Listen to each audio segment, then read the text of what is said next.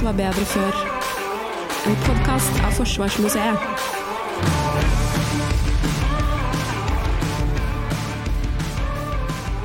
Hei og velkommen til Alt var bedre før. Jeg heter Anders Brenna, og hver mandag fremover denne høsten får jeg besøk av sprellferske gjester i studio her på Forsvarsmuseet. Vi skal undersøke ulike historiske temaer knyttet til krig, fred og elendighet opp gjennom norsk historie. Først ut er en dobbeltepisode om starten på det norske atomprogrammet etter andre verdenskrig. For eh, hva i alle dager skulle egentlig vannkraftnasjonen Norge med et eget atomprogram? Dagens gjest forsker på bruk av og forsvar mot eh, kjernevåpen, og kan garantert hjelpe oss å svare på dette spørsmålet.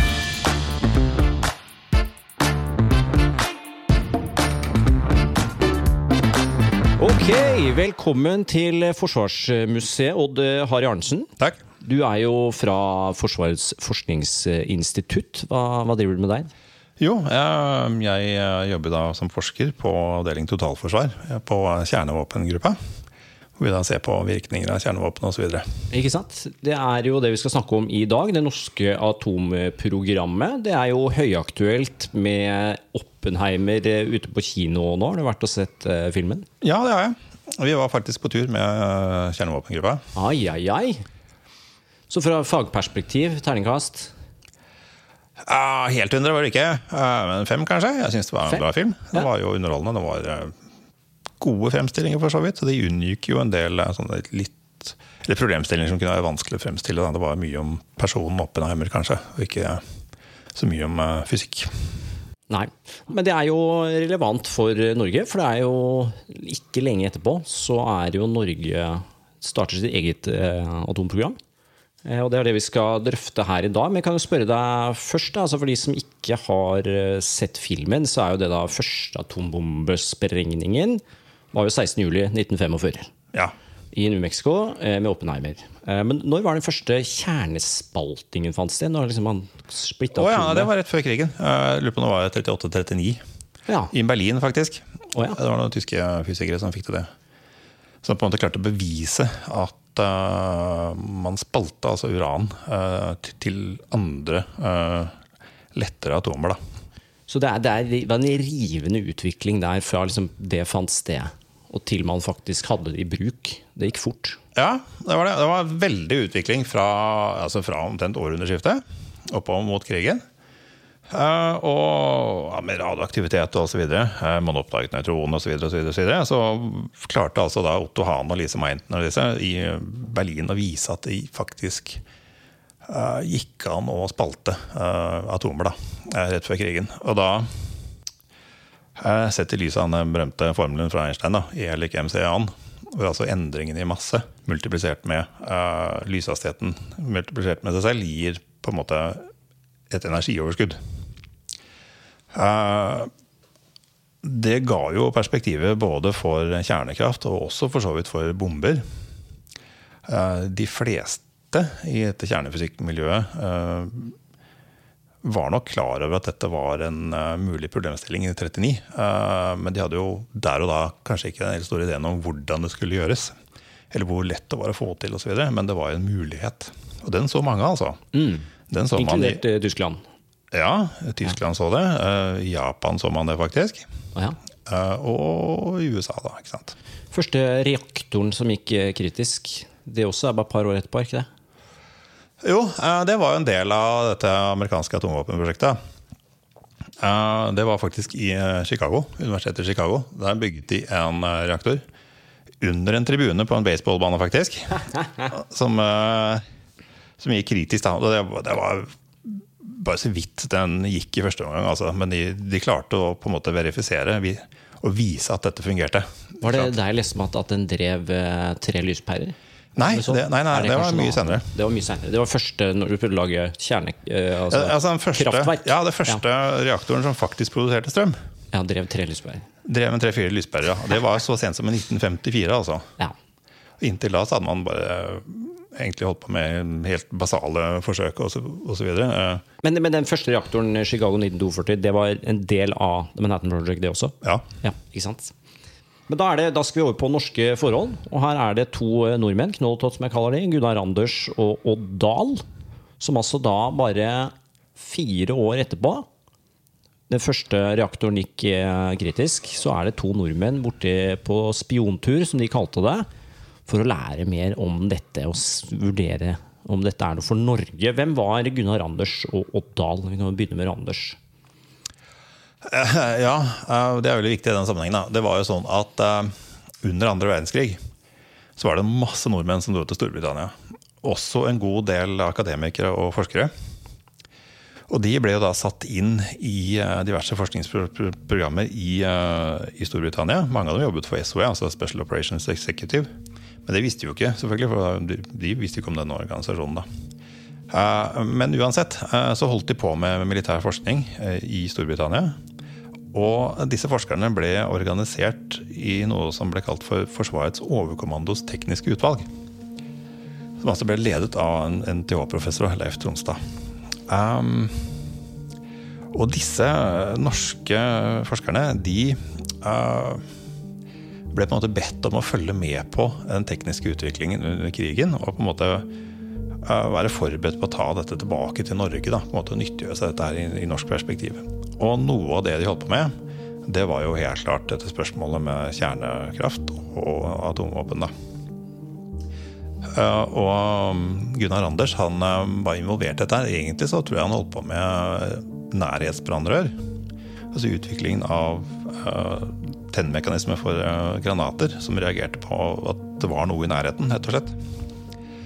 Men han var også med i noe som ble kalt for The Alsos Project. Altså, det gikk ut på å forsøke å kartlegge uh, tysk virksomhet når det gjaldt uh, atombomber.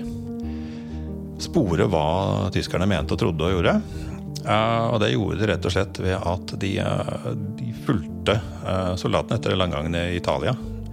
Når de da på en måte langsomt beveget seg nordover, så fikk de tak i det de kom over av akademikere og forskere osv. Og, så videre, og kryssførte dem om hva de visste om disse aktivitetene. Og de, de hadde relativt god oversikt altså, over dette her. Og Randers var faktisk med dette her. Ja, for Det var jo et kappløp under krigen på hvem er det som kan produsere og lage, Ja. utvikle atomvåpen Ja, helt klart. eh, først. Helt klart. Og det, Var det det som lå bak eh, når man prøvde å ta ut eh, tungtvannsproduksjonen Ja. i Norge? Det, Ja, det var, var det. for å sinke tyskerne i ikke? Man, var jo, man visste jo ikke hvor langt Nei. tyskerne hadde kommet. Man visste jo at de hadde veldig gode forutsetninger for å gjøre dette her. Mm. Så det var jo gode muligheter for at tyskerne kunne ha tatt fram en atombombe. Eh? Nå var de, viste seg etterpå at de var jo ikke i nærheten av det, altså. Men allikevel, det var ikke noe man tok sjansen på. Nei, var de, jeg tror vel heller ikke det ble produsert nok tungtvann i Norge til at eh, selv uten sabotasjen, så tror jeg de aldri hadde hatt nok tungtvann til å få det til å funke i Tyskland, så vidt jeg har forstått det. eh, Det er ikke godt å si. Nei. Men i hvert fall så var det jo sånn, da. At eh, Gunnar Anders var eh, norsk representant i denne eh, organisasjonen da, som skulle forsøke å, å kartlegge tyskernes aktiviteter. Var han på kontinentet, eller bare satt han i Storbritannia? Det vet jeg ikke. Nei. Nøyaktig hva han gjorde, det vet jeg ikke. Um, vi tenkte jo kanskje at uh, Randers hadde god innsikt i disse kjernevåpenspørsmålene, nettopp fordi han har vært med på denne Alsos-misjonen. da. Um, Ja, for det er sånn han fremstiller det selv. At det var, uh, Ja. var ikke måte på hvor mye han hadde hatt innsikt i.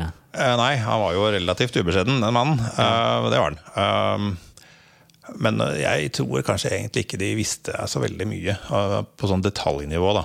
Det er jo litt sånn at eh, prinsippene bak kjernevåpen er jo veldig enkle. Egentlig. Eh, Men det er jo fryktelig vanskelig å få til i praksis. Så det er en hel masse sånne praktiske forhold og detaljer og tekniske duppeditt osv. Som, som trengs, da, og det, det visste jo egentlig fint lite om. Ikke sant?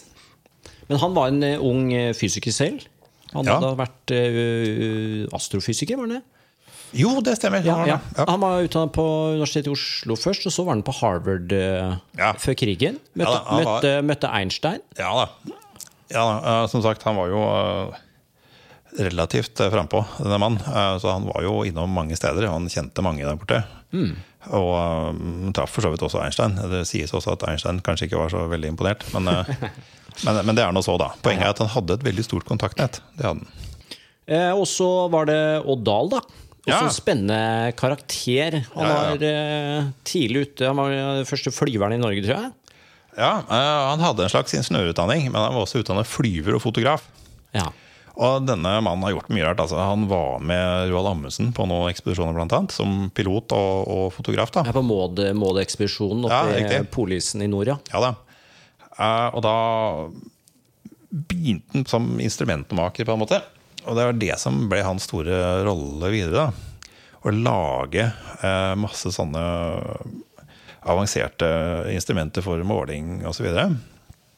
Han var en litt sånn tusenkunstner. Han har vært med på mye rart. Altså, han var også i USA før, før krigen og etterpå. Um, Ja, han ble jo, mm, på Maud-ekspedisjonen så var jo Harald Ulrik Sverdrup, som var Maud-ekspedisjonens vitenskapelige leder, han ble jo litt sånn stjerne i Statene eh, som oseanograf. Og han inviterte vel Dahl over, tror jeg, til å jobbe videre som, som, som, som praktiker og lage ting ja, eh, for dem der borte. Hva, hva lagde Dahl borte i Statene før eh, krigen? Det husker jeg ikke helt nøyaktig hva han lagde, altså, men poenget var at han var veldig dyktig da, til å få til ting og lage uh, måleinstrumenter og litt sånn uh, avanserte ting. Han lagde noen sånne syklotrongreier, eller var med på å lage noe syklotron osv. Men det var jo, kan det vært under krigen. Høyspente greier som man holdt på Riktig. Ja, det er, det er det. Ja. Ja, altså Det er for å akselerere partikler, egentlig. Ja. Han var for øvrig også med på å etablere CERN, altså den store akseleratoren uh, nede i Sveits. Ja, det er da seinere. Det er mye seinere. Ja. Ikke sant. Men han, han var en eh, Reodor Felgen-type. ja, det må han ha vært. Han hadde som sagt veldig lite formell utdanning, da, men han har, jo, han har jo hatt en finger med i spillet på veldig mye. Veldig avanserte prosjekter. altså. Ja, ja, han, han også var jo eh, eventyrer. Han eh, skulle jo bestige eh, Mount Everest, eh, blant annet. Men jeg fikk ikke innpass, så det, det ble aldri noe av. Det er kanskje greit. Hvis ikke Det er sånn ja. kreppert oppå der, så Eh, Man skrev bok med bil og husbåt i Asia. Ja, det er. han. Slående tittel. Ja, han, jo, han er faktisk en av de få som har bodd på FFI også. Og han, er? Ja da. Ja. Det var en sånn eh, bygning i, i porten, i inngangen. Og i andre etasje der så var det en sånn vaktmesterbolig. da. Og der endte det med at Odd Dahl bodde, da. Yes. Om dere syns dette er et spennende tema, så henger det her på museet en ekte kopi av Little Boy, atombomben som ble sluppet over Hiroshima. Du finner oss på Ytre Akershus festning, nesten nede på Vippetangen. Tilbake til episoden. Men ikke sant, da har vi etablert Knoll og Tott. Det er en eh, teoretiker, det er en praktiker, og de er altså på det de selv kalte i gåstegna spiontur i USA i 1946. Ja. Hva gjorde de der, og hvem hadde sendt dem? Jo, eh, jeg tror faktisk det var sånn at det var eh, en bevilgning i statsråd, altså. For å sende Randers til eh, USA på en tjenestereise. For å på en måte besøke aktører og steder hvor det hadde vært aktivitet innen dette med kjernevåpenspørsmålet, som man snakket om, eller atomenergispørsmålet. Da. Eh, Odd Dahl var der allerede. Ah, Sånn at eh, de bare møttes og ble med rundt. Dette var en lang affære, altså. For det, det tok, jeg tror vi var der i tre måneder. Eh, reiste rundt frem og tilbake hit og dit altså for å snakke med folk. Og det var jo også sånn da, at um, dette var i 1946. Sommeren 1946.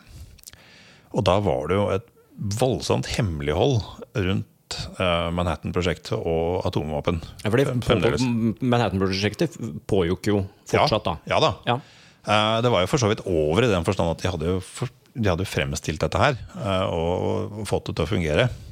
Men eh, mange av forskerne som hadde vært eh, i Los Alamos da, og deltatt på dette, her, de hadde jo da gått tilbake til sine sivile stillinger da, siden krigen var over osv. Uh, mange av dem hadde jo eh, god innsikt i dette, noen ikke så mye. Eh, noen var jo kanskje litt skremt av hva de hadde vært med på, egentlig.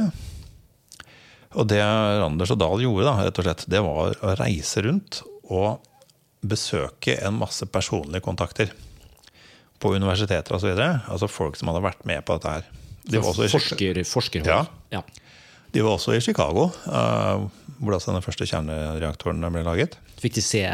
Det er jeg ikke sikker på, det husker jeg ikke helt. Eh, men jeg vet ikke om det er så farlig om de så den eller ikke. Altså, fordi de var jo, de var jo i godt inngrep med, med mange av disse forskerne. Og det var også sånn at de hadde alle planer om å besøke Los Alamos og se på disse stedene som hadde vært involvert i, i uh, The Manhattan Project. Altså sånn som Oak Ridge, Tennessee, hvor de hadde anriket uran. Hanford i Washington, hvor de da uh, hadde fremstilt plutonium osv. Det var jo på en måte rosinen i pølsa her, da. Men jeg var også klar over at det var relativt sannsynlig at det ikke ble noe av. så det de gjorde, det var å vente med å spørre offisielt helt til slutt. Først reiste de rundt og besøkte alle de kjente, pluss et par andre. Og så etterpå reiste de da til Washington for å snakke med general Groves, altså som hadde vært den organisatoriske lederen for Manhattan-prosjektet. Ja, Det er han som er i filmen. Ja, ja, ja. ja. Ja det var en mann som var eh, ansatt for å organisere ting. Han kunne flytte fjell, altså. Det var det som var jobben hans. Han han hadde bygd Pentagon. Han hadde dratt i gang en enorm organisasjon for å få til dette her. altså Voldsomt. Jeg mener hundretusenvis mennesker liksom, for involvert i dette her. da, Organisert av han. Uh, og Det ble et ganske interessant møte, fordi uh, Randers hadde en del nokså konkrete spørsmål. Uh, kan vi besøke Los Alamos? Nei. Kan vi besøke Oak Ridge? Nei. Kan vi få lov å være med på den neste prøvesprengningen på Bikini-atollen? Nei. Ikke sant? Uh, til tross for dette her, da, så sier Anders at generalen var velvillig. han var velvillig, men han svarte nei på alle spørsmål. Uh, og så ble det litt sånn diskusjon fram og tilbake. Da, og det var tydelig at Gross var faktisk interessert i norsk tungtvannsproduksjon. Så det endte på en litt sånn klein måte da, med at uh, Groves påsto at Norge hadde altfor lite tungtvannsproduksjon for å ta fram noe kjernevåpen. Uh, Randers visste at uh, Groves løy. Men det var for å lokke Randers, uh, Randers, til å fortelle hvor mye de faktisk produserte. Ah. Men det fortalte han jo ikke, da, ikke så han løy tilbake. da Så det ble sånn der uh, teit stemning, fordi begge visste at den andre løy. Og så videre, uh, men i det store og hele så kom det kanskje ikke så mye ut av det møtet. Men uh, de, de, fikk nok en god del innsikt. Men Møtte de Oppenheimer? nei, det tror jeg ikke. Det tror jeg ikke. De, de, besøkte nok først og fremst mennesker som de kjente fra før. Mm. Virker det som. Uh, sånn at det de var interessert i, det var litt detaljer rundt anrikning av uran. Det var detaljer rundt plutoniumsproduksjon. Det var detaljer rundt uh, kjernereaktorer. Ja. Det var det de først og fremst fikk tak i, tenker jeg. Er det, fikk du inntrykk av at det var en vellykket reise? At de lærte mye? å Ifølge Randers var det veldig vellykket, virker det som. Ja. Uh, ja, hvorvidt han egentlig var skuffa eller ikke, det vet jeg ikke. Men i hvert fall så kom du nok tilbake med litt bedre innsikt enn det de hadde, ja. Ja, for da, dette er eh, De hadde planer altså, om å bygge en testreaktor. Ja da. Altså forsknings, Det som senere da endte opp på Kjeller, ja. folk garantert har hørt om. Hvilke forutsetninger hadde Norge for å begi seg ut på altså Det er fire år etter den første reaktoren altså i Chicago gikk kritisk. Så er Anders og Dahl der knolltatt. Og mener han på at Norge skal gjøre dette? Altså Hadde de røyka sokka sine, eller var dette, var dette realistisk? Hva det røyka, er ikke så godt å si. Og Odd Dahl røyka i hvert fall mye sigar. Det var veldig vanskelig å finne et bilde av han hvor han ikke røyker sigar. Stemmer det. Men um Eh, nei, det vi hadde av forutsetninger, det var jo litt sånn eh, generell innsikt i kjernefysikk. Det var jo på en måte et nytt og trendy tema. Det var ikke veldig stor kjennskap til i Norge, men noe var det jo. Så er det dette her med strategiske materialer. I forbindelse med krig og krigsproduksjon så er det typisk en del materialer som er veldig viktige. Det er sånn som aluminium, det er stål, det er uh, uran for den saks skyld, og tungtvann. Ja, tungtvann har vi nevnt. Ja. Uh, og dette var jo noe Norge hadde. Norge hadde tungtvann fordi det ble produsert av Norsk Hydro. Egentlig som et biprodukt av noe annet, men vi hadde det altså. Og så hadde vi faktisk ganske mye uran. Trodde de. Ja. Uh, det er ikke det at det er mye uran i Norge, altså. Absolutt. Eh, men ikke i en form som egentlig egner seg for å utvinnes, eller uh, som grunnlag for å lage noen kjernereaktor eller noe sånt. Altså. Mm.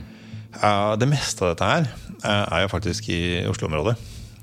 Men det visste man i, i 46 at det fantes uran i, i Norge? Ja, det visste man. Ja.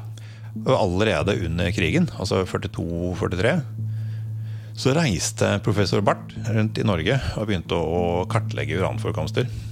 Eh, og det var fordi det var et strategisk materiale. Jeg tror ikke Barth egentlig visste hva det skulle brukes til, nødvendigvis. Eh, men det de visste, det var at dette var viktig for eh, krigsinnsatsen. Og ergo så, så skal vi ha kontroll på dette her. Ja, for det var, jo ikke offentlig kjent i 42 akkurat at de hadde, hadde hatt en reaktor. En Absolutt ikke. uranstabel, som de kalte det da. i- Absolutt i. Så han kan jo ikke ha visst det. Nei. Eh, men eh, det var altså lista opp som et, eh, som et strategisk materiale. Og ergo så, så er det viktig. Og de sørget også for at en del uran som er produsert i Norge faktisk under krigen, ikke falt i tyske hender. Det gjemte rett og slett bort. Ha.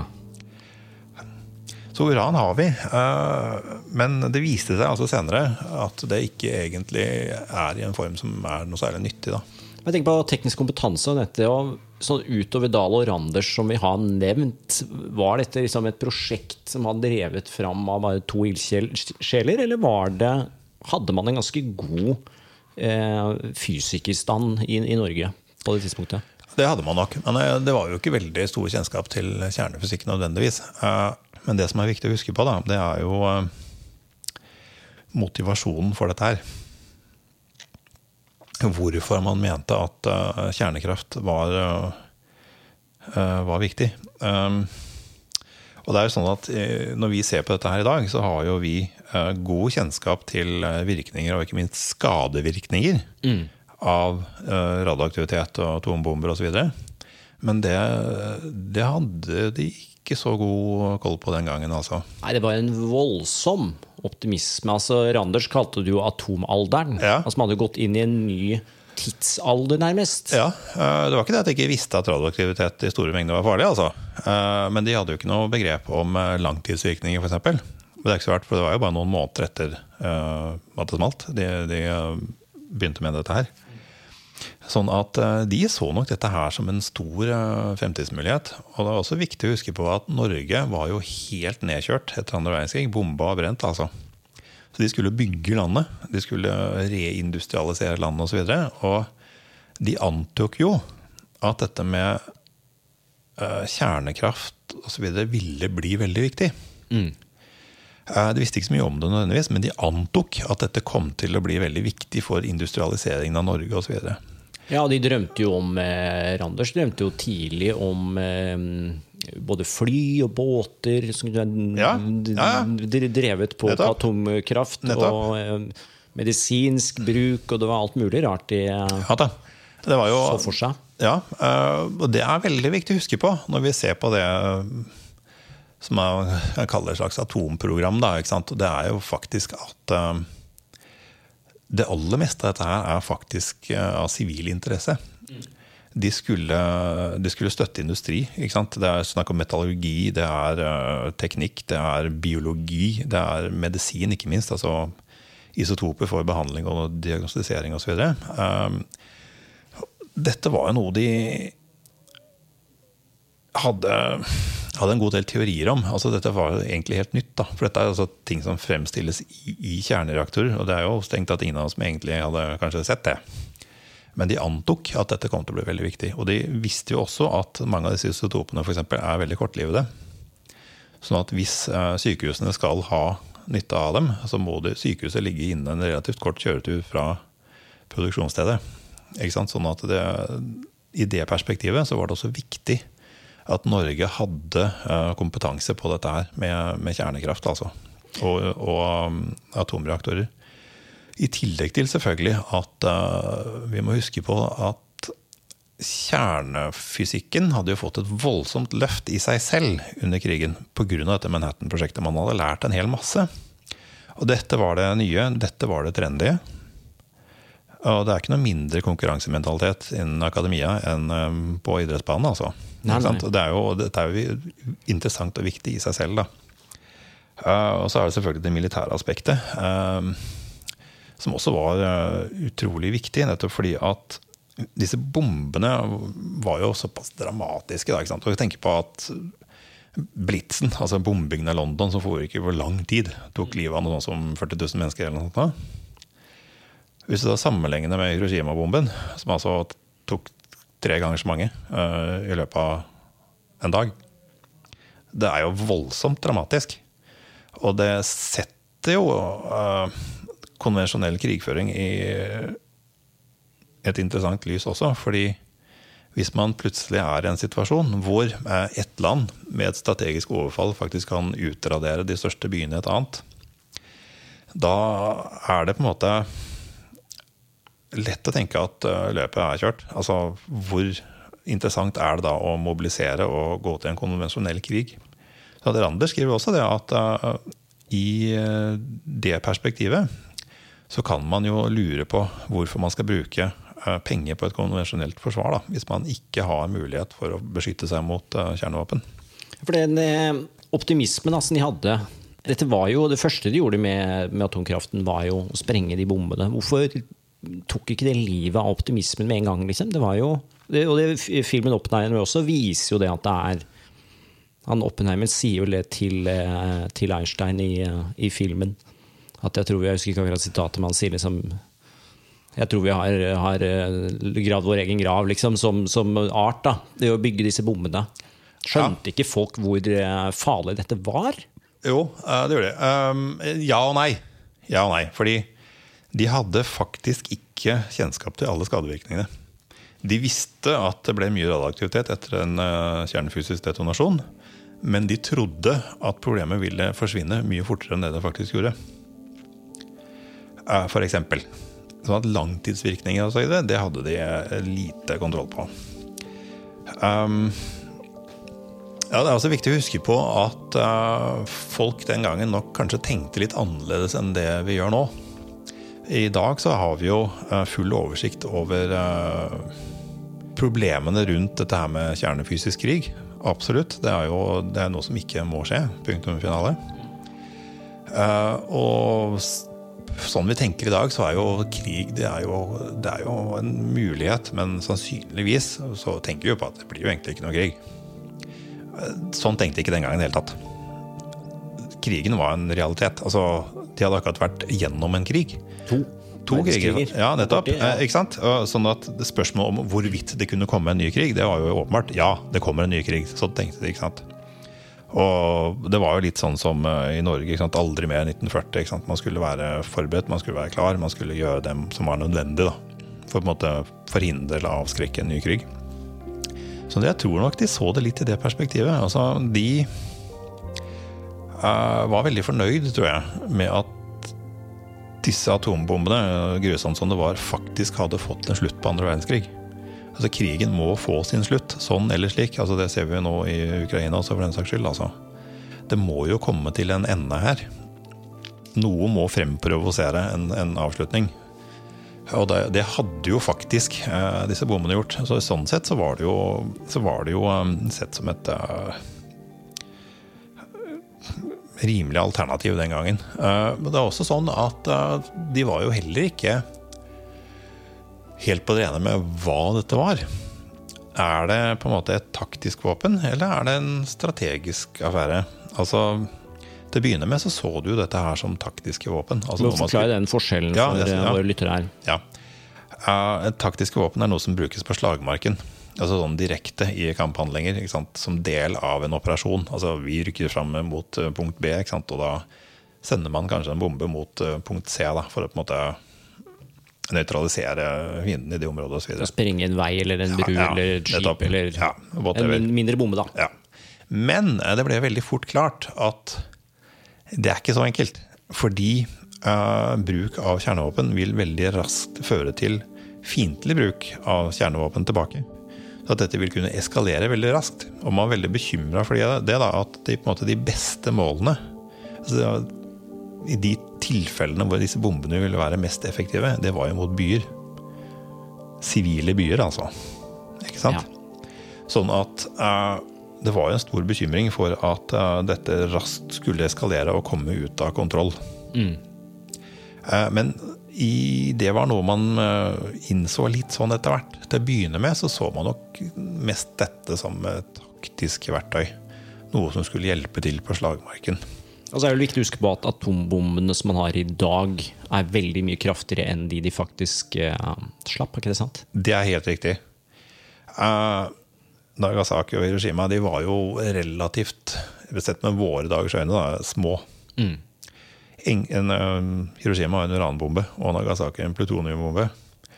Eh, I dag så, er jo, så har man jo altså termonukleære våpen, eh, hydrogenbomber osv. Det er jo en helt annen skala, altså. Hvor mange ganger større snakker vi enn det som eh, Ja, det er snakk om tusen ganger større, ikke sant? Og mer. Altså, det er en helt annen skala. Jeg tror vi skal prøve å runde av del én her. Vi har altså fulgt eh, Randers og Dahl på spiontur i USA. De har eh, planer om å bygge en reaktor i eh, Norge. Liten forskningsreaktor bare, men det er jo en sped start. Men så kommer jo da spørsmålet, og vi har vært inne på bombene her. Skulle Norge ha norske egne norske atombomber? Og her har vi Forsvarsminister Jens Christian Hauge han la frem fire punkter for en norsk atompolitikk i 1946. Det er på Stortinget. Og de tre første punktene det var altså å fortsette å lete etter uran. Det var å fortsette å produsere tungtvann, og så bygge den eksperimentelle reaktoren som Randers og, og Dahl skulle gjøre. da. Men så var det et fjerde punkt der i denne planen, og jeg lurte på om du avslutningsvis her vil lese det punktet høyt for oss? Det kan jeg gjøre. For det er ganske spennende. Her står det at man skal utføre statsarbeid av teknisk og økonomisk natur med sikte på Norges og eventuelt Sveriges muligheter for industriell fremstilling av atombomben. Industriell fremstilling av atombomben. Ja. Det er altså den norske forsvarsministeren i Stortinget som foreslår at vi må undersøke muligheten for å fremstille dette på Ja. industriell skala i Norge. ja. Og den tråden den følger vi opp i neste episode. Heng med.